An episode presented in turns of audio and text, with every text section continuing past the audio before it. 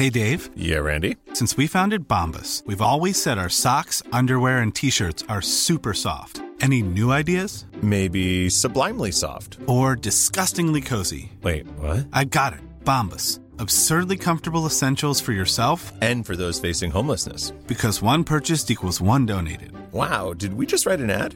Yes. Bombas. Big comfort for everyone. Go to bombas.com slash ACAST and use code ACAST for 20% off your first purchase. Mother's Day is around the corner. Find the perfect gift for the mom in your life with a stunning piece of jewelry from Blue Nile. From timeless pearls to dazzling gemstones, Blue Nile has something she'll adore. Need it fast? Most items can ship overnight. Plus, enjoy guaranteed free shipping and returns. Don't miss our special Mother's Day deals. Save big on the season's most beautiful trends. For a limited time, get up to 50% off by going to BlueNile.com. That's BlueNile.com. Many of us have those stubborn pounds that seem impossible to lose, no matter how good we eat or how hard we work out. My solution is PlushCare. PlushCare is a leading telehealth provider with doctors who are there for you day and night to partner with you in your weight loss journey. They can prescribe FDA-approved weight loss medications like Wagovi and Zepbound for those who qualify. Plus, they accept most insurance plans. To get started, visit plushcare.com slash weight loss. That's plushcare.com slash weight loss.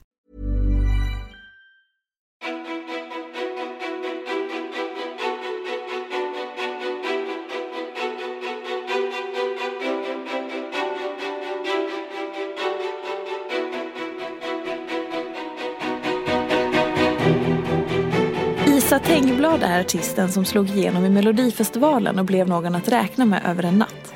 Idag har hon lämnat monsterbolaget Sony för att driva ett eget skivbolag. Hon släpper ny musik oftare och på meritlistan finns medverkan i Småstjärnorna, Talang, Junior Eurovision Song Contest och deltagande i VM och EM i diskodans och hon har tävlat ännu en gång i Melodifestivalen. Sa jag att hon bara är 20 år gammal och dessutom har nästan 90 000 följare på Instagram. Men allt är såklart inte bara framgång och kändisskap. Isa blev utbränd efter sin andra medverkan i Melodifestivalen och gick ner i en djup depression. Hon har ätit antidepressiva och berättat om den tunga pressen hon satt på sig själv. Hur har hon förändrats? Var det värt det? Vem är egentligen Isa Tengblad? Varmt välkommen till podcasten Ofiltrerat med mig Sofia Peterfia Ståhl. Hej! Hej! Hur mår du? Det är bara bra. Jag är lite trött. Det får man vara på hösten, tycker jag. Verkligen. Det känns som att det är någon slags standard i Ja, lite så. Nej, men man känner på något sätt att så här, man har inte lika mycket eh, så här, kraft som man har på sommaren. Typ. Det, bensinen tar slut lite snabbare varje dag. Så jag blir trött på kvällarna och så här. Eh, lättare. Men det är bra. Jag är glad. Vad härligt. Hur, eh, så här, hur menar jag inte. Vad skulle du säga att du är i livet just nu? Oj, jag känner att jag är någon slags eh, ny startfas. Eh, det är väldigt, både lite rädd för vad som ska komma men också väldigt nyfiken. För det känns som att jag fick efter, efter allt som alltså jag har gjort så himla mycket som du räknar upp genom egentligen barndomen och tonåren. Och även då Mello två gånger innan jag var 18. I princip, ja 17 var jag väl, ja jag kommer inte ihåg exakt. Ehm, precis. Och efter det så fick jag ju ta en rätt hård smäll. Ehm, men det var nog också, jag, jag önskar det, alltså jag, jag, jag önskar inte det för någon att man ska hamna där. Men någonstans för min del så kanske det någon gång krävdes att jag skulle få åtminstone en rejäl dipp för att rannsaka mig själv och på något sätt börja om och tänka annorlunda. För oavsett tror jag, det hade hänt någon gång för mig. För att jag tror inte det där eh, beteendet och tänkandet som jag hade liksom eh, hade hållit. Så det hade kanske hänt om fem år ändå. Ehm, så någonstans så är jag ändå glad över att det hände. Och nu, det jag skulle komma till var att jag någonstans är i en start nu och har fått börja om min egen resa, mentala resa men också när jag har startat eget och liksom äntligen nu kanske känner att nu kan jag göra det jag vill i musiken. Man börjar, du vet, man är inte barnstjärna kanske längre utan man kan äntligen få göra någonting som känns trovärdigt som vuxen och som kvinna och sådär. Så jag är väldigt nyfiken men också väldigt läskigt för att det är på något sätt nu det gäller också. Inte, det är långt ifrån för sent. Folk säger fortfarande att jag är väldigt ung. Men du förstår ändå vad jag menar. att Någonstans de närmsta fem åren, då vill man att det ska börja gå som man vill på något sätt. Och verkligen eh, ta nästa steg liksom. Vad är det du vill då? Alltså jag vill jättemycket. Såklart så vill jag kunna helt leva på musiken under hela livet. Eh, Så det är ju ett mål att känna att så här, ja, jag verkligen är, ja men typ kan skulle, jag skulle vilja kunna köpa en egen lägenhet och kunna leva mitt egna liv liksom som vuxen på musiken. Eh, och att mitt mål är också att kunna nå utomlands. Och I vilken skala det är, det är liksom egentligen inte det viktigaste utan att jag, jag känner att min, min musik skulle, den är typ lite mer enligt mig i alla fall, mer utländsk, mer UK, USA-sound än kanske Sverige i sig. Vilket både kan vara en fördel och nackdel. Liksom. Men, så jag har många mål inom musiken men också vill jag må bra och vara hälsosam. Mm. Och det känner jag att jag ändå är. Alltså jag är stressad som alla andra till och från. Så. Men att jag ändå hela tiden jobbar med balans och är mycket bättre på att förlåta eller att vet, inte vara lika taskig i, i huvudet som jag har varit innan när man typ när det inte har gått så bra i någonting eller när man väl är ledsen så är det lätt att så här, älta det ännu hårdare och bara trycka på det negativa. Men jag har lärt mig att typ förlåta mig själv bättre och sådär. Så både balans där men också i mat och träning och så. För det är där jag mår bäst. Liksom. Ja, för jag läste när jag inför den här intervjun så har jag såklart researchat dig och googlat dig och läst massor och så. Och det som du ofta återkom till i många intervjuer var just den här pressen som du har satt på dig själv. Ja. Eh, främst kanske alltså såklart genom ditt arbete med musiken och allting men också runt mat och träning. Ja. Hur, kan du berätta lite om det? Det, det börjar i att jag är vinnarskalle från början tror jag. Så jag går in för allt. 100 procent. Och det tror jag många, många är så. I, I alla fall folk som jag känner i branschen. Liksom. Eftersom man någonstans ja, man, vill, man vill en grej och man tänker inte ge sig förrän det, liksom, det kommer hända. Och det är då i musiken. Men så har jag varit i skola och i allt jag gör. Och även då med träning och sådär. Så det var i nian. Alltså det var... Det var så töntigt som det, som det kan bli nästan. höll jag på att säga. Men jag, hade, jag gick till skolsystern och så gjorde man sin så här, årliga vägning. Liksom. Och sen så reagerade jag på att jag, som man då absolut kan göra under tonåren i puberteten. För jag har ju alltid tränat väldigt mycket och varit så här, väldigt vältränad sedan jag var jätteliten. Men då hade jag gått upp typ fyra kilo på ett år. Och jag vägde väl, alltså det spelar ingen roll i och för sig hur mycket jag vägde. Men då kom jag ihåg att jag eh, reflekterade över det och bara hmm, jag borde gå ner de kilorna som jag har gått upp. Du vet. Och så började det där. Att jag, så började jag söka upp som med allt annat jag planerar. Okej, men hur funkar det här med liksom, kaloriintag och så här, hur mäter man sånt? Så då började jag göra det, träna mer och till slut så blev det att jag triggades av grejen så då ville jag gå ner ännu mer. Sen, kunde, sen var jag redan smal innan så det var inte så att jag hade jag gått ner ännu mer hade jag varit jätteundernärd men liksom då men då kom jag till en punkt där jag, liksom, jag tränade typ så här, tre timmar om dagen. För jag gymmade utöver då att jag dansade. För det gjorde jag på typ elitnivå då. Typ två timmar om dagen. Eh, och sen gymmade jag alltid innan. Åt mindre, väldigt nyttig mat. Så det var inte så att jag liksom eh, var ohälsosam på det sättet. Men det var alldeles för lite för det jag gjorde av med. Och jag liksom, anmärkte att jag eh, folk reagerade i skolan på liksom, att här, jag såg grå ut i hyn och du vet, det var liksom, det var inget bra. Och jag tyckte, min världsbild blev väldigt skev. Jag tyckte att de andra åt för mycket i mitt huvud. Du vet, så här, Vad gör ni? Typ. Fast jag sa ju inte så. Men jag levde i min bubbla. Och jag förstår verkligen det där med den här ätstörningsbubblan. För man, just då mår man bra. Det finns ingenting som man förnekar där egentligen. Att, så här, eller att man känner att något dåligt är på G. Utan allt känns väldigt bra. Och jag var också väldigt nöjd med hur jag såg ut. För då såg jag ut som de här tjejerna som jag hade typ sett upp till. Eh, men det höll inte så mycket mer än i ett halvår. Liksom, den glädjen över det. Efter det kände jag att jag började vilja bara skita i det helt vissa dagar. Och sen så, så det blev så här lite inte jojobantning men rent mentalt så blev det så här att man tryckte i sig och sen så typ fastade. Att, vet, det blev väldigt dålig balans och till slut så övergick det i kombination då med att jag började må sämre över stress och sådär.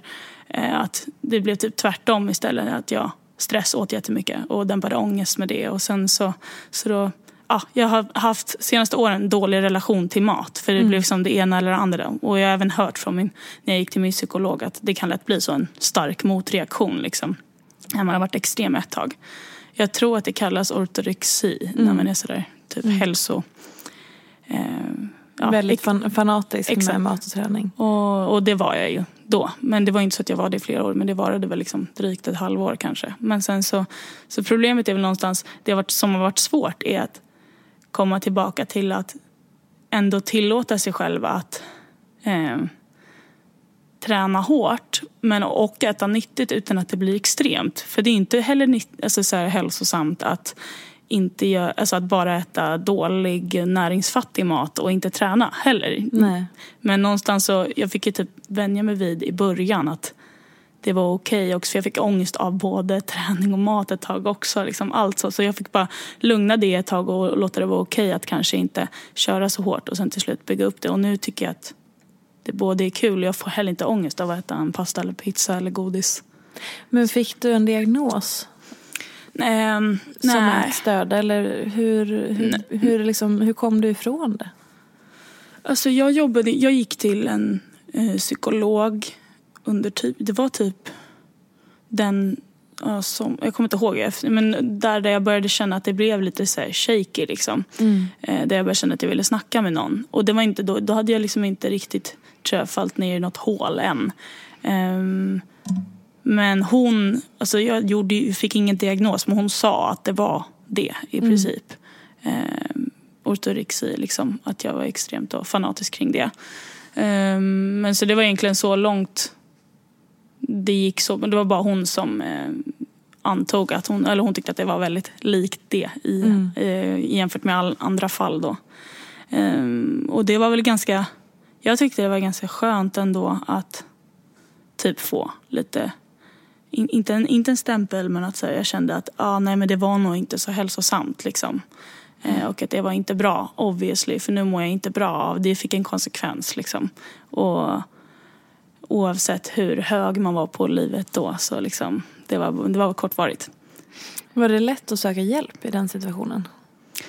Alltså, som tur är, jag tror att vissa är väldigt mycket mer rädda för att eh, vara svaga och sådär och kanske erkänna att det inte står rätt till riktigt. Men det, jag är typ inte det. eh, ibland kan jag tycka det, men just när jag känner att livet inte står rätt till då är inte jag rädd för att så här, jag behöver rådgivning typ och kanske snacka med någon som inte är familj eller eh, nära och kära. Vad Så- skönt. Mm, så det var, det var ändå skönt. Det var ingen, ingen stor tröskel för mig att komma över utan jag eh, kände att det här behöver jag. Eh, och mina föräldrar liksom hade inga problem att eh, hjälpa mig med, med det heller. Eh, eh, ekonomiskt liksom. Att kunna ge mig ett sånt besök i månaden utan problem. Och det hjälpte väldigt mycket. Men sen så med allt, jag fick ju ta även medicin efter ett tag men hon, eh, min psykolog var lite envis med att ja, men jag vill att du ändå kämpar ett tag. För jag märker att det blir bättre typ för varje vecka.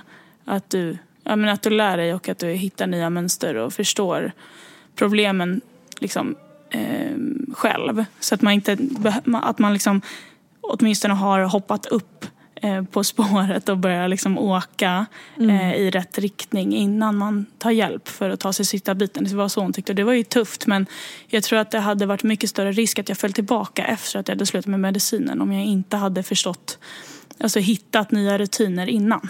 Just det. Så det var nog ändå viktigt.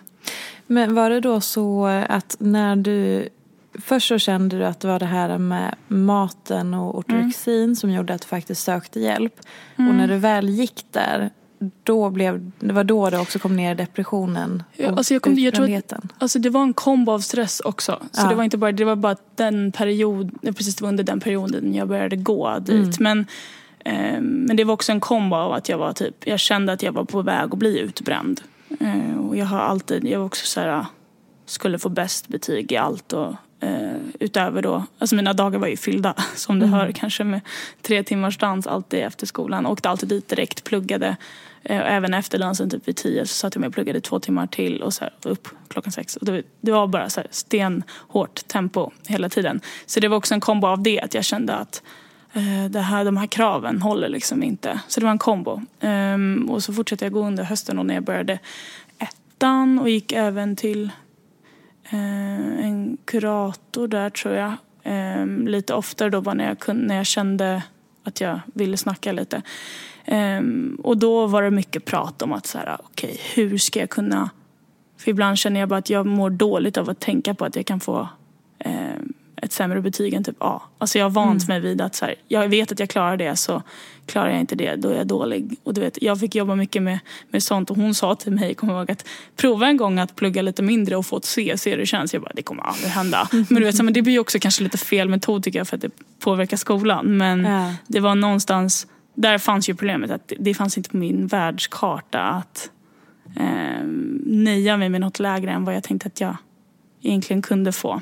Och det bästa. Eh, Ja, precis. Men jag snackade också mycket om, det var, under den hösten fick jag ju reda på att jag skulle vara med i Mello också och då snackade jag mycket om det. Att så här, för det, det sa jag till henne då att så här, eh, det kommer ju vara mycket press och mycket att tänka på nu jag klarar det. Är jag ska tampas med eh, press utifrån och, och mm. sådär. Mm. Eh, så mycket snack om sånt och lite oro. Men sen slutade det med att jag under december då, det blev, det blev värre och värre så jag fick ångestattacker så här, inför presentationer och sådär. Ehm, det var en dag i skolan, vi skulle ha någon så här, spanska muntlig grej. Det var typ två veckor kvar till jul. Ehm, och då så, liksom, jag gick inte ens mot eh, klassrummet och jag satte mig typ i ett annat rum och bara grät och så hittade en annan lärare men jag, liksom, det fanns inte, det, jag, skulle, jag skulle absolut inte kunnat klara att gå upp där. Det var bara som att det, så här, det hade tagit stopp. Mm. jag hade absolut, det var inte att det var den värsta uppgiften, att jag inte hade pluggat eller någonting utan det var bara att jag kände att den här prestationsångesten bara hade runnit över helt. Mm. Jag ville inte leverera någonting. Typ. Så då, det var väl så droppen som gjorde att jag kände att jag behövde ta en paus under våren i alla fall när jag skulle vara med i Mello. För jag bara, klarar jag det inte nu så kommer det bli väldigt tufft att köra parallellt med något annat liksom. Eh, så. så hela det här att du kände att du, att du var på väg att eh, gå sönder som mm. man ju gör när man blir utmattad eller utbränd. Mm. Det hände alltså redan innan Mello? Men sen lyckades du ändå genomföra det och sen... Det som är grejen var att jag, eftersom jag tog pausen från skolan så stannade jag på något sätt, då dämpade jag ju stressen och eh, drog ner tempot. Vilket var bra då. Mm. Ehm, och sen så gick det faktiskt bra också. Och allt var lyckat det året på något sätt. Så då tror jag att det ehm, jag kände ju av fortfarande, jag hade fortfarande samma krav på mig själv och sådär men det var inte så att jag fick så mycket motgångar. För det här var då första gången du var med i Mello? Mm, exakt. Ah, så det här for, för det var ju sen efter andra gången som du faktiskt blev utbränd. Mm. Och, det, och det berodde ju på att det kanske inte gick helt som jag ville. Jag gick till andra chansen då. Det handlar inte bara om det men det var liksom, jag var också inte alls jag tyckte det var mycket jobbigare att vara med, mycket mer nervös, mycket mer ångest inblandat liksom. Um, och ja, det, det, var inte alls lika mycket um, vad säger man, det var inte lika lätt att genomföra. Mm. Och sen så var det även, även det var efter det, när jag hade åkt ut där som bara, då föll det samman på något sätt. Eh, men hade redan känt, jag hade redan under hösten innan och innan, innan liksom deltävlingarna där känt att jag var mycket mer lustlös och sådär och mindre kraft. Och, um, mm. Och även hade även då, då en lite sämre relation till maten och överåt mycket mer och sådär. Um, så det var, det var jobbigt att både vara med men också under sommaren så hade jag ju inte lika många gig som första året men typ så 25 gig ändå som jag skulle ta mig igenom och varenda ett var jättejobbigt. Mm. Jag, hade, jag har aldrig tyckt det. Jag har alltid tyckt att det är det bästa som finns men det var verkligen så här, ni gör det bara. Och sen ofta tycker jag det är roligt på scen men du vet tiden innan, så här, nervositet var ingen lätt känsla att hantera då. Mm. För att det, var, det påminde så mycket om ångest liksom. Så det blev att kroppen förknippade med det. Och, så det var jobbigt. Och sen, men där började det väl eh, ordentligt. Liksom när jag, då, den sommaren så mådde jag inte så bra. Och, och då gick jag oftare också till psykologen och snackade mer. Så det var egentligen under flera års tid som det byggdes det upp. byggdes liksom. upp, precis. Absolut. Ja. Det var det. Så under hela högstadiet var jag ganska, var, var det sjukt hög fart. Det har varit hög fart hela livet. Men det kommer ju också mer och mer kanske press ju högre upp man kommer i ålder också. Mer mm. att göra och sådär. Så till slut så bara, det höll inte liksom. Men mm. känner du att eh, som det du berättade om, så här, din, din prestationsångest. Mm. Eh, Känner du, för du har ju liksom genom hela ditt liv som du sa barnstjärna och du har synts och så i tidig ålder och varit med på mycket och många liksom har sett dig, jag kan tänka mig i din, i din närhet på din skola så har alla vetat vem du är och vad du gör. Mm. Eh, och du har kanske stuckit ut för att du har varit framgångsrik tidigt och så. Hur har det påverkat din prestationsångest? Har det, varit, har det på något vis också förvärrat det? För att du får liksom, folk förvänta sig att du ska vara då duktig eller bäst eller man har koll på dig på ett annat ja, sätt.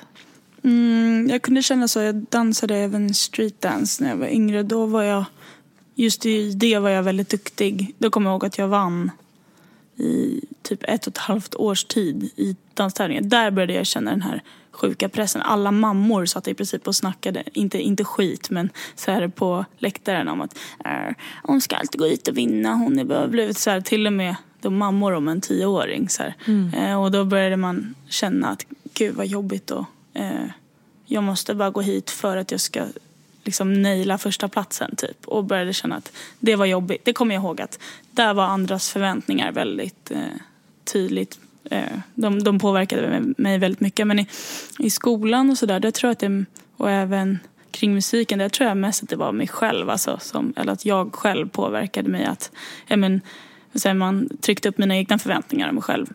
Jag fick snarare en boost ska jag säga, av att andra tyckte att jag var bra. För då mm. kände jag mig bra. um, så jag, nej, jag fick nog starkare självförtroende av det snarare. Mm. Så det var ju skönt på ett sätt. Och jag, jag fick faktiskt inte, jag, det kanske skedde bakom min rygg men jag fick inte se så mycket eh, avundsjuka och sådär kring mig. Alltså, åtminstone i mina närmsta vänner. De var väldigt väldigt fina och stöttande och tyckte att, alltså jag tror att det handlar om att om jag är ödmjuk mot dem och jag dessutom visar att jag eh, att jag kämpar också, att inte bara jag fick allting gratis, då blev de, då accepterar de nog att ja, men det finns en anledning till varför det går bra, för hon kör liksom, och hon mm. vågar. Så, eh, och de som inte tyckte eh, man inte kunde acceptera det, de kanske inte hängde med mig istället. Jag vet inte, det blev nog naturligt så. Så jag fick inte så mycket dåliga intryck från folk i skolan. Det är jag glad över. Mm. Men jag gick också väldigt så här, kreativa skolor. Både Adolf Fredriks musikklasser upp till sjuan. Sen bytte jag till Kulturama. Och sen gick jag ju då en termin på Rytmus innan jag slutade. Så det var verkligen så här, musik intresserade folk också tror jag. Som mm. snarare stöttar varandra än att trycka ner typ. Bra, bra mm. sammanhang där, som sammanhållning. Verkligen. Och eh, så här, vägen tillbaka då? Hur, för den frågan får alltid jag. Jag ja. blev utbränd för sex år sedan. Eh, och det är alltid så här, ja, men hur gör man för att komma tillbaka? Vad är vägen tillbaka? Ja. Hur har det varit för dig? Den har varit... Eh, den kändes väldigt, inte hopplös, men det är väldigt tufft i början. För det är mycket... Först var det acceptans kring att så här är det nu. Eh, det kanske inte kommer du är inte lika stark nu, du kommer inte kunna göra exakt som du vill, din koncentrationsförmåga är sämre. Du vet, man mycket acceptans kring att bara, läget är eh, du kommer behöva dra ner, du kommer inte känna dig helt kanske som dig själv nu för du har tappat mycket av dina förmågor för att man, liksom så här, man har slitit ut sig. Så mm. tanken är inte full. Liksom. Det tyckte jag var jättejobbigt i början. Men när man väl har kommit dit då gäller det att våga börja jobba eh, jobba tillbaka och också typ finna sig i ångesten, skitjobbigt. Eh, få panikångestattacker och bara typ, jag gick ett så här eh, KBT heter det Man bara liksom, man ska acceptera känslan och ta in den och inte trycka bort. Det var också en ny känsla, typ liksom ta sig an smärta och liksom låta sig vara instabil och sådär. Det var också mm. jobbigt. Um, det, det tyckte jag var jobbigt, att typ, så här, tappa många delar av sig själv. Att så här, vara pigg och glad och att eh, vara stark och ja, du vet, hela, och pratglad och sådär. Liksom, man tappar mycket av det. Men sen för min del så blir det efter ett tag när man känner att man har kommit en liten bit att det blir, någonting har blivit bättre och det där är faktiskt försvunnit. Och då blir man sjukt motiverad och känner sig väldigt bra. Nästan mer nöjd när man åstadkom någonting innan. Det får mm. större betydelse på något sätt för man känner att det är för sig själv på riktigt. Um, och till slut så, alltså jag, menar, jag är ändå imponerad över både andra men också mig själv att jag var så stark när man var så svag på något sätt. Att bara göra och göra och göra. Jag tror att för mig gick det nog ganska snabbt tillbaka ändå. Eh, för att jag är så jäkla målmedveten. Och bara bestäm- när jag bestämmer mig för någonting så typ, då lyckas jag, tror jag, någonstans. Och där jag, eh, det var det som fick mig att falla men också det som fick mig att komma tillbaka fort tror jag. Ehm, så jag, men jag kan inte komma, just, men det, det är det jag kan tänka på det här. eh, Både jobbiga att tappa sig själv men också sen det här när man börjar se att eh, utvecklingen att det blir bättre liksom. Vad är det för skillnad på dig som sitter här nu och Mm. om jag hade träffat dig här för tre år sedan? Eh, Jag är... eh, Till att börja med så, det kanske inte syns så mycket. Jo men det syns lite utåt också tror jag. Men mycket hur jag är mot mig själv inom, inombords och i huvudet. Att jag, som jag sa innan, att jag är väldigt mycket mer förlåtande. Eh, tar saker lite mer med en nypa salt. Um, och kanske liksom lägger lite olika energi på olika saker och liksom eh, kanske inte bestämmer mig för att gå all in i allt jag gör. Liksom. Eh, men utöver det kanske jag är... Jag känner att jag börjar komma tillbaka dock li, lite att jag är rätt en, i vissa situationer för mer energisk. Men jag, jag har nog alltid varit ganska lugn men lite mer, ännu lugnare kanske. Ehm, har lite, jag tror att jag har lite mer jag har mer förståelse för andra idag. Jag förstod inte alltså exempelvis då, i högstadiet hur man, hur man kunde vara lat. Typ. Det förstod inte jag. Jag kunde bara säga, du vet, det är bara att göra. Du vet, jag är lite mer så här, rationell, typ, säger man så. Att jag idag är lite mer förstående. Att så här, vissa dagar är det bara inte bra. Man, är, man får inte saker gjort ibland. Man blir försenad med uppgifter eller så här, inom jobbet. Att man, man glömmer saker. Jag gjorde inte det. Jag var så strukturerad och allt blev gjort. Du vet, så och jag kunde inte förstå att andra ja, inte liksom kunde hålla sig till sina scheman om vissa saker. Jag, jag kunde, jag, det kunde jag inte förstå. Så jag är lite mer jag tror jag är lite mer mänsklig på det sättet att jag har lite, lite mer ups and downs. Vilket jag typ nästan är glad för också. För att jag känner mig... Eh, det blir typ bättre för mitt välmående i längden att få vara lite både och. Annars vet jag inte hur andra skulle ehm, förklara mig nu versus då. Men typ, vi koll, jag kollade faktiskt på någon, eller det var min kille som hittade någon gammal intervju på mig som vi tittade på från ett program för, ja men det var 2015 tror jag, efter Ja. mello första året. Jag bara, vad är det där för tjej? Så här. Jag, kände, men det kändes jag kändes jätte, eh, nästan som en robot typ. Jag, som att jag var så inövade svar. Och det var det kanske också lite för jag var väldigt nervös inför intervjuer och så i början. För jag hade inte gjort det så mycket. Så då hade jag liksom lite mer koll på vad jag ville säga så att jag inte, ja, inte, inte blev tyst liksom och inte visste vad jag skulle säga. Men det kändes verkligen som att så här, ja, jag är väldigt målmedveten, jag är extremt självsäker och har alltid vetat vad jag vill. Det- Det kändes så här äh, jättekänslokallt typ och ja, inte alls så eh, som jag ser på mig själv idag. Så det var lite intressant att se tillbaka.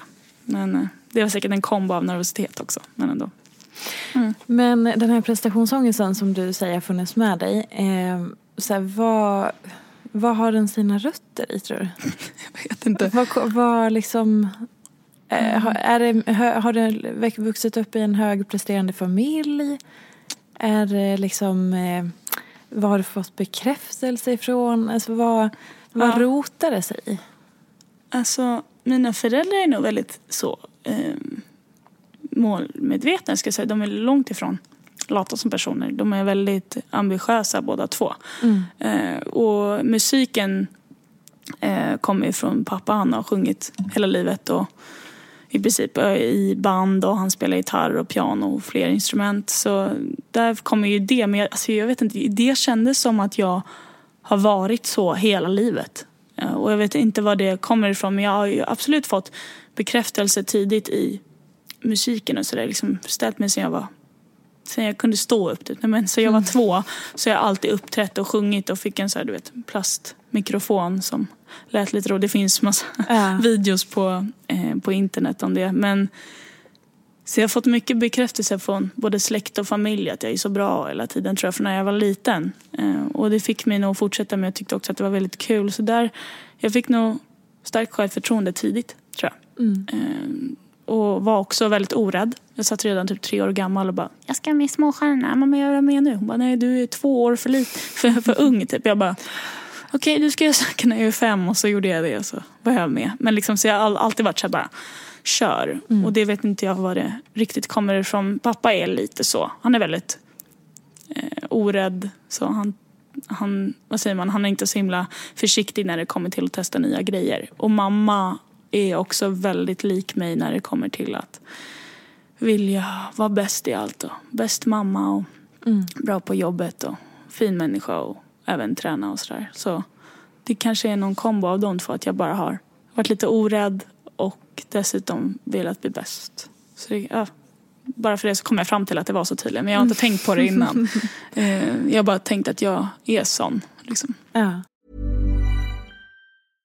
Want flexibility? Take yoga. Want flexibility with your health insurance? Check out United Healthcare Insurance Plans. Underwritten by Golden Rule Insurance Company, they offer flexible, budget friendly medical, dental, and vision coverage that may be right for you. More at uh1.com. If you thought the only way to get a more defined jawline with natural looking results was through surgery, think again. Juvederm Volux XC is a non surgical injectable gel filler that improves moderate to severe loss of jawline definition and can help you achieve natural looking results with little downtime. Even better, this improved definition lasts up to one year with optimal treatment. No maintenance required. Improve jawline definition for a smooth, sculpted look with Juvederm Volux XC. For important safety information and to find a licensed specialist, visit juvederm.com. That's J U V E D E R M.com. Not for people with severe allergic reactions, allergies to lidocaine, or the proteins used in Juvederm. Common side effects include injection site redness, swelling, pain, tenderness, firmness, lumps, bumps, bruising, discoloration, or itching. There's a risk of unintentional injection into a blood vessel, which can cause vision abnormalities, blindness, stroke, temporary scabs, or scarring. Talk to a licensed specialist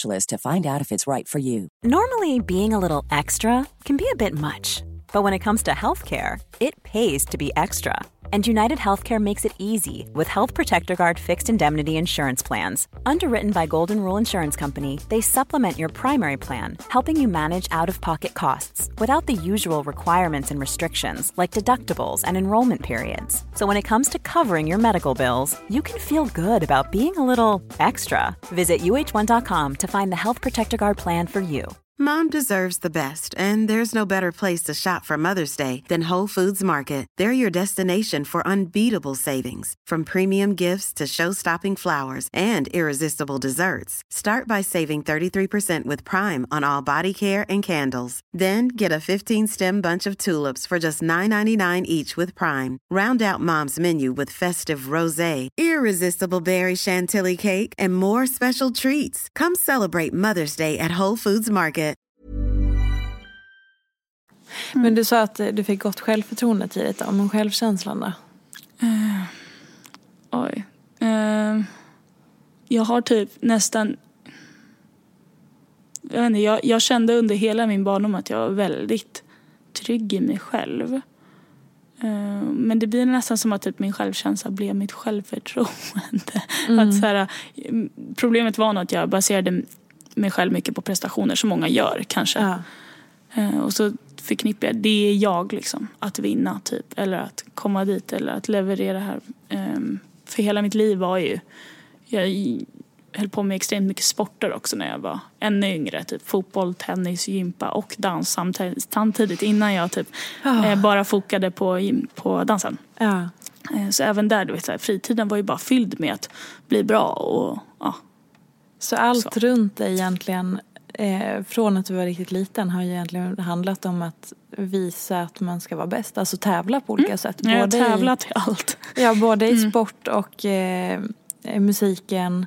Och sen Verkligen. även med dig själv med betygen och ditt utseende. Ja, och det, det har också varit, det har också brytt mig om faktiskt väldigt mycket, länge. Eh, Utseendet. Ja, ett tag så kanske jag brydde mig mindre om, jag jämförde mig nog mindre när jag var liten, det gör man kanske automatiskt. Men jag har alltid liksom varit mån om jag handlade, köpte mycket egna kläder och eh, gillade att uttrycka mig så i skolan. Och, eh, så det var också viktigt tidigt att vilja se bra ut. Liksom. Och sen så blir det, kan det bli något negativt sen som det tyvärr blev. Liksom. Att det tar upp för, eh, för stor del av ens, ens psyke. Liksom.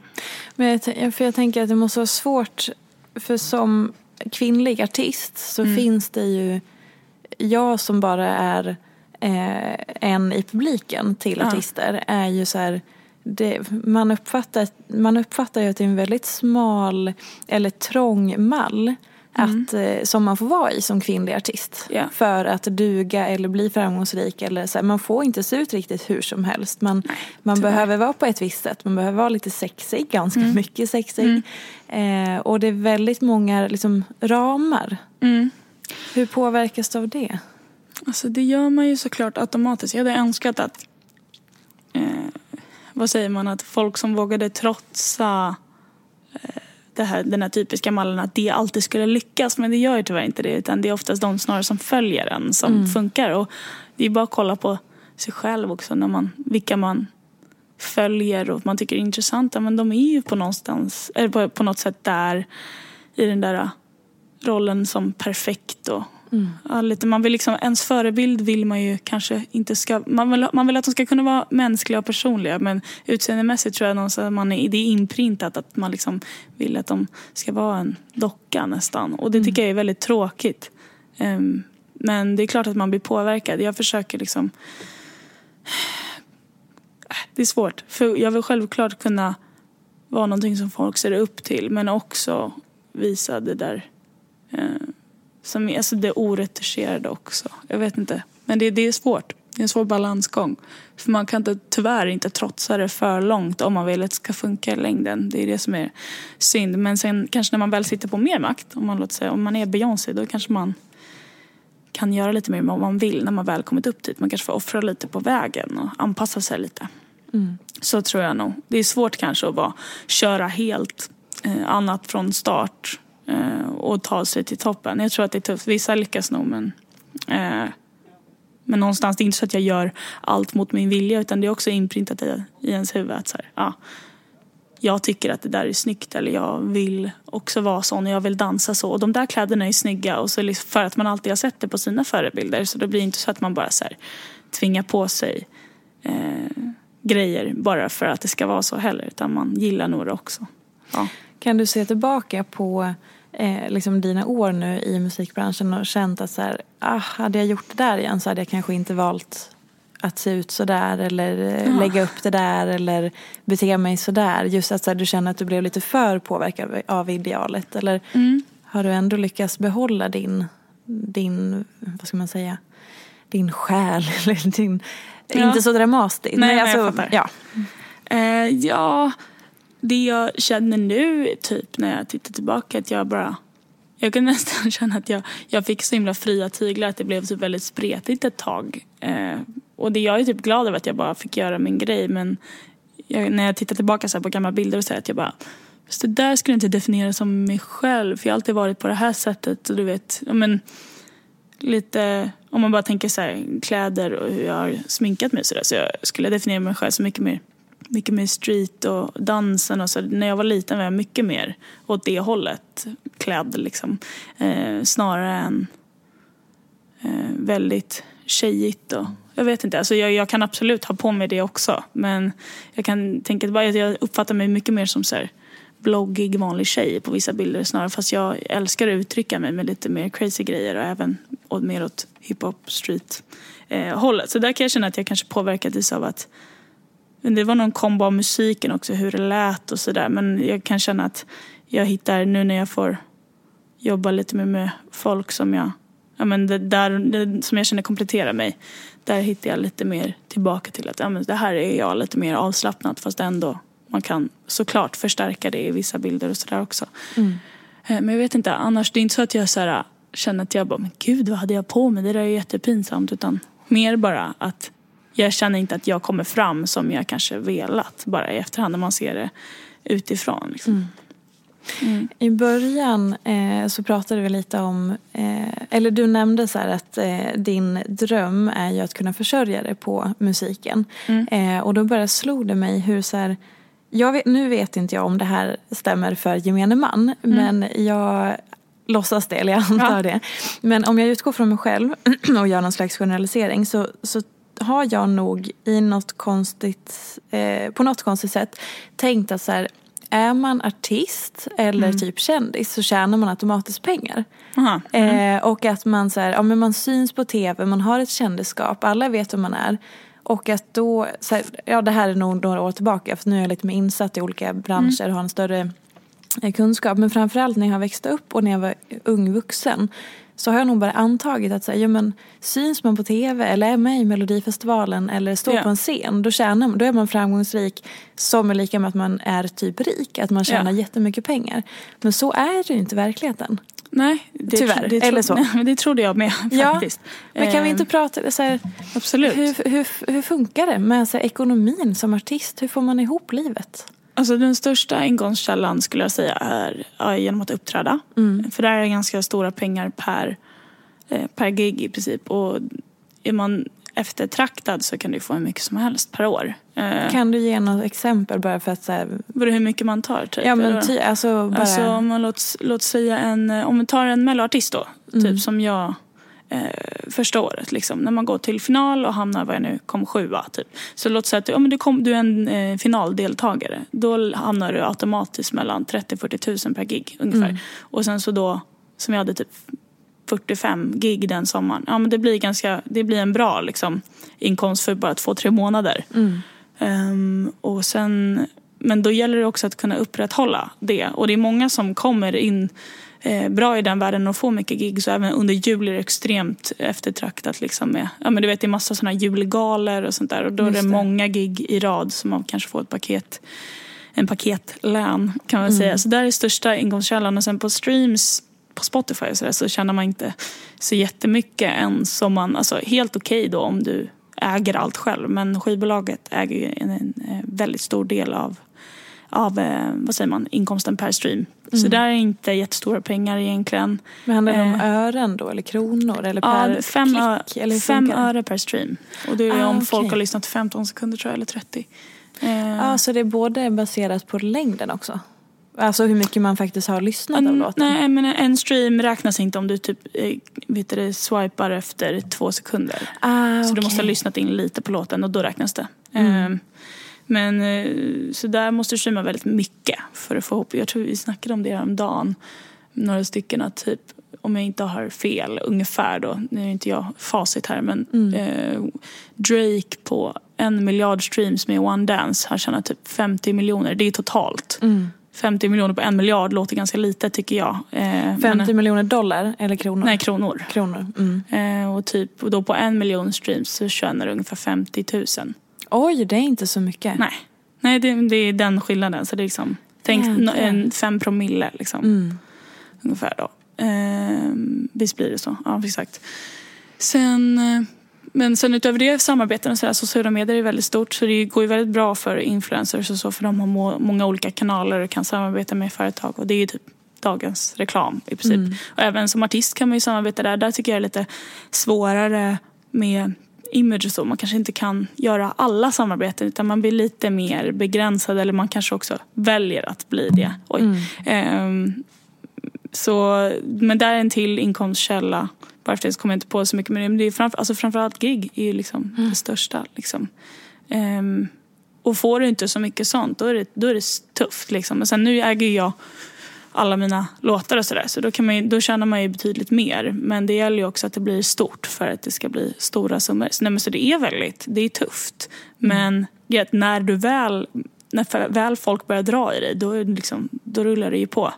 För då allt går hand i hand. Då kan du få stora kampanjer, du kan du får mer gig, du tar dessutom mer gage för du kan dra mer folk. Så liksom, ja men folk som är framgångsrika i Sverige, de tar mellan 300 och 400 000 per gig. Det är ju jättemycket pengar liksom. Så eh, det handlar bara om, det är som med allt, när liksom där ditt värde som produkt blir större och mer eftertraktat, att du får mer följare, liksom, då höjs din prislapp i allt och du får synas mer. Liksom.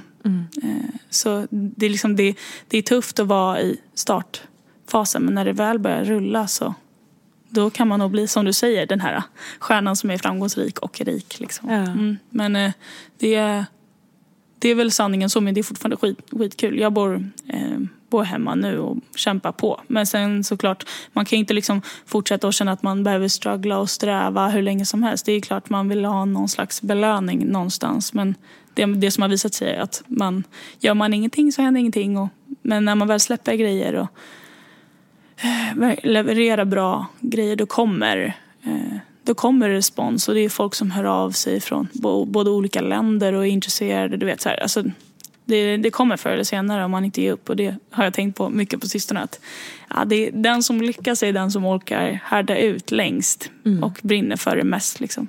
Verkligen. Och jag är inte trött än i alla fall. Så. det ja. För du har ju precis gjort någonting väldigt modigt. Du var ju signad hos eh, Sony länge mm. och sen nu så har du startat eget skivbolag. Ja, stämmer.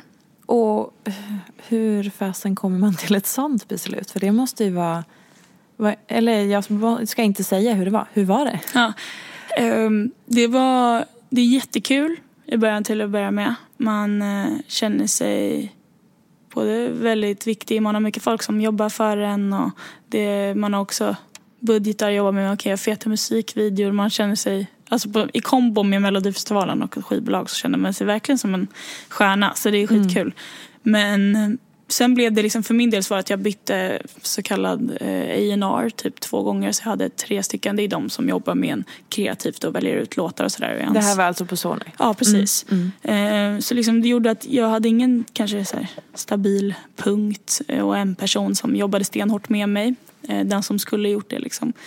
Eh, och sen så liksom känns det som att teamet byttes ut mycket och sådär. Så det, blev, det, det var liksom svårt att få igenom både beslut om vilken låt som skulle släppas eller om det skulle släppas, vad som skulle göras. Och man hade liksom inte koll på exakt vad som gjordes och inte och vem som sa nej och ja. Så det blev så här, allt tog så lång tid och vi hade någon, jag tyckte vi liksom satte planer och sådär så blev det att nej det blev inte som jag tänkte mig och så bara, ah, men jag jag tror att jag skulle kunna bli mer produktiv om jag kör själv. Liksom. Och mm. framförallt så blir man ju också, jag, sen jag var ganska liten, haft olika samarbeten hit och dit. Man har mycket tillit till folk så jag känner man bara, nej men nu vill jag prova att vara fri och få se hur det blir om jag får bestämma. Typ. Eh, så det blir, det blir också som en skön, tycker jag, mot, reaktion mot det ett tag bara för att man, ja men man vill bara få bli lite, få lite fria tyglar ett tag. Mm. Eh, så det var liksom anledningen och nu får jag bestämma lite mer vad som ska göras och jag känner typ redan att det blir bättre. Eh, för min del, bara för att det finns en, det finns en mycket tydligare kärnteam och min, jag vet, jag, jag vet inte, det, det känns inte alls lika spretigt längre. Och hur fungerar det då rent praktiskt? Hur ser liksom en, en vecka i bolaget ut då? För min del, än så länge så är det ju bara jag som är där. Så nu egentligen nu funkar det som vi betalar produktioner för låtar eh, och även då för, jag jobbar med en tjej som jobbar med mig kring foto och artwork och sådär. Så hon är liksom kreativ eh, director ihop med mig. Typ. Mm. Och sen så har vi även lite andra fotografer som vi samarbetar med för omslag och sådär.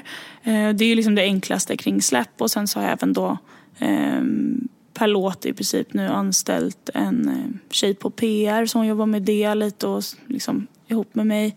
Ehm, så man måste ändå ha några som har några, några olika roller. Och sen är det då min eh, pappa som är min manager sen jag var mini. Mm. Eh, och han är både, både det men också hjälper mig med att själva det praktiska att få ut låten. Så han skriver in alla koder och ser till att det kommer ut på Spotify mm. i rätt format. Och, sådär. och sen så mixar man låten och betalar. Liksom, så det, det är egentligen, eh, vi betalar ju allt som ska göras inför ett släpp. Ehm, och sen så, ah, vad gör man mer egentligen? Alltså, ehm, utöver det så liksom jag är den som skapar, skapar låtarna och är typ, typ projektledare kring vad som, ska, vad som ska göras. Och sen så jobbar vi då så försöker man liksom få, ut, få ut det så mycket man kan genom olika smarta sätt och få folk att skriva om det och eh, hoppas att folk gillar det.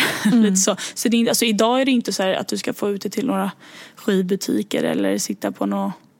Eh, alltså det, behö, det är egentligen, det skivbolagen gör är exakt samma sak som mitt lilla gör. Mm.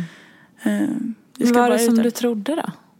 Eller vad var det för skillnad mot vad du hade trott innan du verkligen gav dig in i det och var egen så? Mm, ja, jag trodde nog att det skulle vara typ som det är. För att, alltså det blir mycket, jag, jag tycker bara om att man får välja eh, tempo och låtar och bara göra sin grej. För det, typ, det känns som att det blir tydligare på något sätt att det kommer från en själv, tycker jag. Men sen så blir man alltid så, efter något år så går man tillbaka och kanske ser det lite mer eh, från en annan synvinkel. Men just nu bara känns det, känns det skönt men såklart läskigt för man vill ju att man vill också bevisa sig själv att det blev väldigt bra. Men det, det, det går ju bra liksom. Jag släpper, släpper på eh, och bara jobbar på nästa låt, nästa låt hela tiden. Mm. Jäkligt modigt måste jag säga. Ja, men... Det är coolt. Och framförallt som ung kvinna i den branschen som ju är väldigt mansdominerad. Ja, absolut. Det är det Det är sjukt mycket så. Har du, hur har du liksom eh, hur har du fått förhålla dig till det? Att du kom in i en mm. mansdominerad värld som väldigt, väldigt liten, ung tjej. Alltså jag, som tur är var jag så, som jag sa, orädd. Jag tänkte inte på sånt där. Jag bara, det är väl jämställt. Typ, så har jag alltid varit. Mm. Ehm, så jag har inte tänkt på det så mycket alls. Men sen började jag reflektera över att gud vad få eh, vet du, kvinnliga producenter det finns exempelvis. Jag tror jag har jobbat med typ fyra stycken i hela mitt liv. Mm. Och senaste, de, de är typ från senaste två åren. Och säkert 200 grabbar. Liksom. Men det, det är också såklart att så här, kanske inte så många, det har inte varit en så stor trend att bli typ tekniker som tjej. Liksom. Det finns ju mycket kring det. Mm. Eller som ligger i det också. Men det, var någon, det är något jag har reflekterat över. Men utöver det så har jag haft, jag har haft med mig min pappa väldigt mycket. När jag exempelvis var i LA som tonåring eh, och spelade in mycket musik. Han var typ alltid med i studion. Vilket gjorde att jag blev nog Alltså det hade säkert kunnat bli värre som typ 14-15-åring om man hade varit själv där med någon manskris. Jag har ingen aning. Men det kändes som att alla var jättetrevliga och det kanske berodde på att han var där. Men jag vet inte. Jag har fått höra i efterhand, det är en kille som jag jobbat mycket med som är från USA som bara så här, liksom, hände ingenting konstigt mot det. Sa ingen, var inte någon sexistisk liksom. Mm. Jag bara, aldrig. Han bara shit you're lucky typ. Mm. Um, så jag vet inte om jag har haft tur eller bara liksom pappa har varit bra eller någonting. Men sen efter det, då har jag varit mycket mer såklart självständig eh, de senare åren. Men nej, alltså det kanske har något med min personlighet att göra att ingen sätter sig på mig. Jag har ingen aning. Att, att det blir att så här, jag eh, inte tar ett nej. Jag att vet inte om det ligger någonstans i bara min attityd. Jag har ingen aning. Eh, men jag har hört mycket liksom, värre från, från andra. Eh, personer. Men jag har haft någon, haft någon lite tur tror jag. Vad jag, har du hört då till exempel? Nej men jag vet inte. Alltså, bara hur, alltså att, attityden. Att man typ, att både förväntningar tror jag kring tjejer. Att man inte tror att de är lika bra. Att man inte lyssnar lika mycket på ens åsikter och sådär. Jag har fått höra mycket. Um, och jo, alltså att, att killar anser att de, alltså inte killar i allmänhet men de som har gjort det, att de anser att de deras, liksom, de, de är bättre. Liksom. Mm. Mer så tror jag, att så här, ens värde blir nedtryckt. Men sen vet jag inte om det har hänt så här sjuka, sjuka grejer egentligen. Det handlar mer om så här jargonger och eh, verbalt kanske. Mm. Mm. Eh, avslutningsvis, vad pågår så bakom kulisserna mm. på stora produktioner eller i så artistlivet och där. För att man ser ju bara den här coola personen på scenen ja. I publiken. Ja. Men vad är det som pågår där bakom? Det är faktiskt väldigt intressant, tycker jag. Många är extremt, eh, extremt nervösa väldigt rädda. Vissa tar liksom så lugnande nästan. Liksom. Inte, så här, inte sjuka grejer men du vet så här, eh, för att dämpa äh, ångest typ inför. Det finns några sådana där väldigt milda tabletter men som hjälper äh, för nervositet. Alltså det, det, det var något som var väldigt påtagligt. Jag är extremt lugn i jämförelse med många andra skulle jag säga. Det är väldigt kul, det är väldigt bra sammanhållning. Det är långt ifrån, alltså om man tänker Mello då Mm. Man ser det väldigt tydligt i Idol tycker jag. Men i Mello att alla är väldigt liksom, kramgoa och snälla mot varandra. Det är långt ifrån en tävling. Liksom. Eh, och det säger man inte bara för att det ska verka bra utåt. Utan det är verkligen så. Eh, Alltså Mello har världens bästa eh, buffé med fika. Livsfarligt. Oh. Jag vet inte varför de har det. Det är, typ så här, det är nästan taskigt mot artisterna som så här, ska ha på sig sina tajta dräkter. Och så har de så här, men du vet, de lagar egna kladdkakor varje dag. Det är donuts. Det är liksom, de, är, de är sponsrade av Marabou. Det är, så här, det är livsfarligt. Men så det, det är faktiskt väldigt mycket snack om hela tiden. Eh, men annars är det faktiskt bara väldigt, väldigt kul eh, i sådana där produktioner. Men sen försöker tänka annars. Alltså, folk är extremt proffsiga också ofta. Tycker jag. De som jobbar i teamet, allt är så sjukt strukturerat. Man märker att de har gjort det där i 25 år. Det är typ samma människor liksom som har, de har det i blodet om man säger så. I, mm. i ryggraden. Um, jag vet inte. Var det något mer du undrar? Typ? Jag vet inte, kan komma, inte Nej men på. så här då, utifrån att det är någon eh, som har de här drömmarna att mm. komma dit du har kommit ja. och så här, fantiserar om en karriär inom musiken och sådär och vill börja tidigt och bara så här, fasen hur gör man och vad kan man ja. tänka på och hur, hur gör man? Oh, shit. Alltså, Världens svåraste fråga. Det är så svårt. Varsågod. För jag tror att det finns hundratusentals sätt i ja. princip. Jag, det är en extremt stor fördel att typ känna någon som känner någon. Eller att åtminstone ha liksom lyckats hitta någon att jobba med på ett eller annat sätt. Om det är någon som tror på, på dig som typ manager eller att du hittar någon producent eller att du börjar skriva låtar. Att du liksom hittar ett sammanhang någonstans där du kan börja bygga någonting. För jag tror att någonstans är det, det är musiken som är grejen. Eh, så har du... Det är väldigt svårt att komma så här bara söt tjej sjunga bra till ett skivbolag utan någon idé och utan något liksom ja, utan ett projekt tror jag mm. någonstans. Eh, och sen vet inte jag om skivbolaget alltid är lösningen heller. Det är många som bara släpper på egen hand. Men jag tror att liksom om du vill just bli artist, jobba med musiken och hitta din grej och det är ganska lätt idag ändå att ja, det kostar ju såklart lite pengar att skaffa en dator och sådär men om du liksom vill börja skapa hemma så kan du hitta en studio för liksom, jag vet inte, under 30 000 spänn. Liksom, om du, skulle, ja, men du, behöver, du behöver högtalare, en dator med ett program i princip och en, du behöver inte ha världens dyraste mick heller utan det finns väldigt bra grejer liksom och bara börja spela in och sen så typ, ja, men hitta någon att samarbeta med kreativt. Jag hade hjälp via min pappa som jobbade på skivbolag när jag var 12 mm. eh, och på så sätt så lärde jag känna en eh, kille som jobbat som producent. Eh, det var han som jag började jag skrev inte så jättemycket första året egentligen men han eh, började spela in låtar med mig och bygga på ett projekt och jag släppte min första låt när jag var 14 som han hade producerat. Så det var min väg in och han var även den som fick idén om att ta mig till USA och sådär. Alltså så här, jag tror att alla har sina olika eh, vägar in och ibland får man typ, typ kämpa lite själv och eh, hitta vägen och kontakta folk. Eller så. Ibland kommer det på något sätt till en om man bara gör grejer. Även sociala medier skitbra. Lägg ut liksom. Eh, lägg ut det du gör, det du skriver eller covers eller liksom bygg det därifrån. Jag tror det finns ganska många olika vägar. Men oavsett, ska du ta det någonstans sen tror jag att det, det är kontakter som är grejen. Och hur man hittar det, det är svårt. Men mm. annars bara, för min del också, bara det, man inser att man blir bättre för varje år så sluta inte, kör liksom. Eh, oavsett om jag var duktig, jag kunde sjunga när jag var liten så det, mina låtar som jag får fram på egen hand idag är så mycket bättre än för tre år sedan och det inser man hela tiden, varje år liksom. Så ja, hårt jobb och lite tur och lite kontakter och, och sen så använd internet typ. Ja. Säga. ja.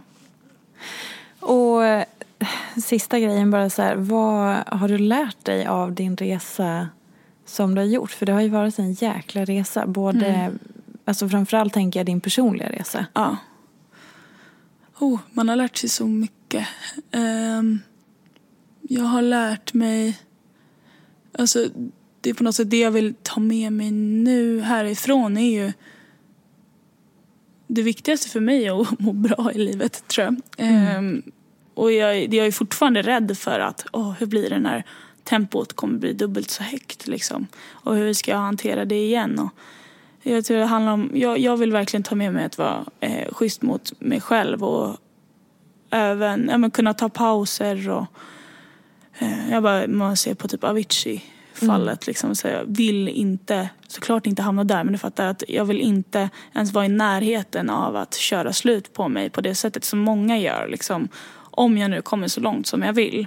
Ehm, men utöver det, alltså jag har lärt mig jag har också lärt mig det här med att eh, jag är väldigt glad på ett sätt att jag fick en liten dipp. Eh, för att jag har, typ, jag har fått känna på en liten touch av hybris.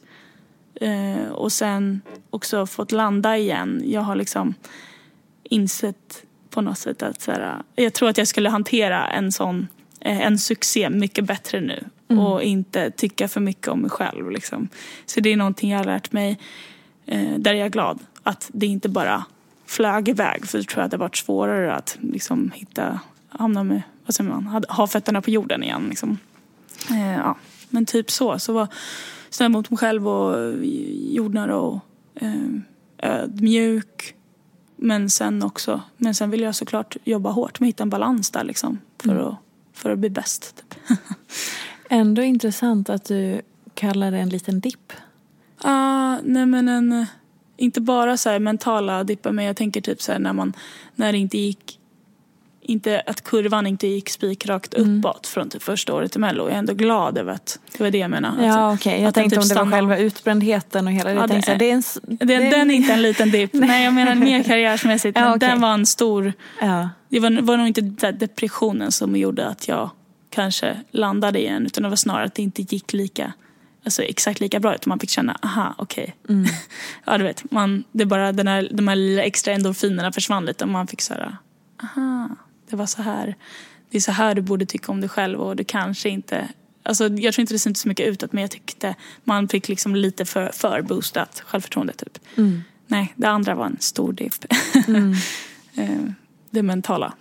Och den hade inte, jag, hade in, jag hade önskat att den inte hade varit så stor men jag är ändå glad över att jag, att jag är lite annorlunda nu än innan för det är mer hälsosamt. Fint att höra. Tack snälla för att du ville komma och gästa den här podden och prata med mig. Tack, kul att komma. Och eh, du finns ju på Instagram som Isa official music. Yes. Eh, och din musik finns ju på Spotify och andra ställen också, eller bara där? Eh, nej, men det finns på andra ställen med. Mm. Så det finns Isa Tengblad finns överallt. Jajamän. Tusen tack för att ni har lyssnat. Ha det bra. Hej då. Följ mig gärna i sociala medier. Jag heter Peterfia på Instagram och bloggar på peterfia.se. Vill du komma i kontakt med mig så gör du det på info.peterfia.se. Jag vill rikta ett stort tack till Acast för studie och stöttning och ett stort, stort tack till geniet Elin Sjödén som klipper den här podcasten.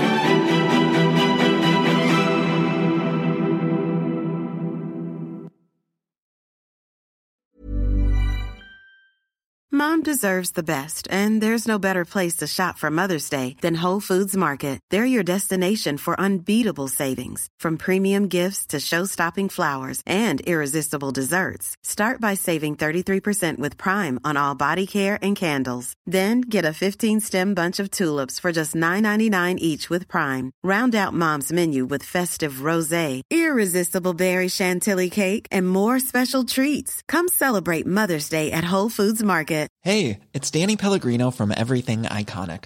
Ready to upgrade your style game without blowing your budget? Check out Quince. They've got all the good stuff shirts and polos, activewear, and fine leather goods, all at 50 to 80% less than other high end brands. And the best part? They're all about safe, ethical, and responsible manufacturing. Get that luxury vibe without the luxury price tag. Hit up quince.com slash upgrade for free shipping and 365 day returns on your next order. That's quince.com slash upgrade.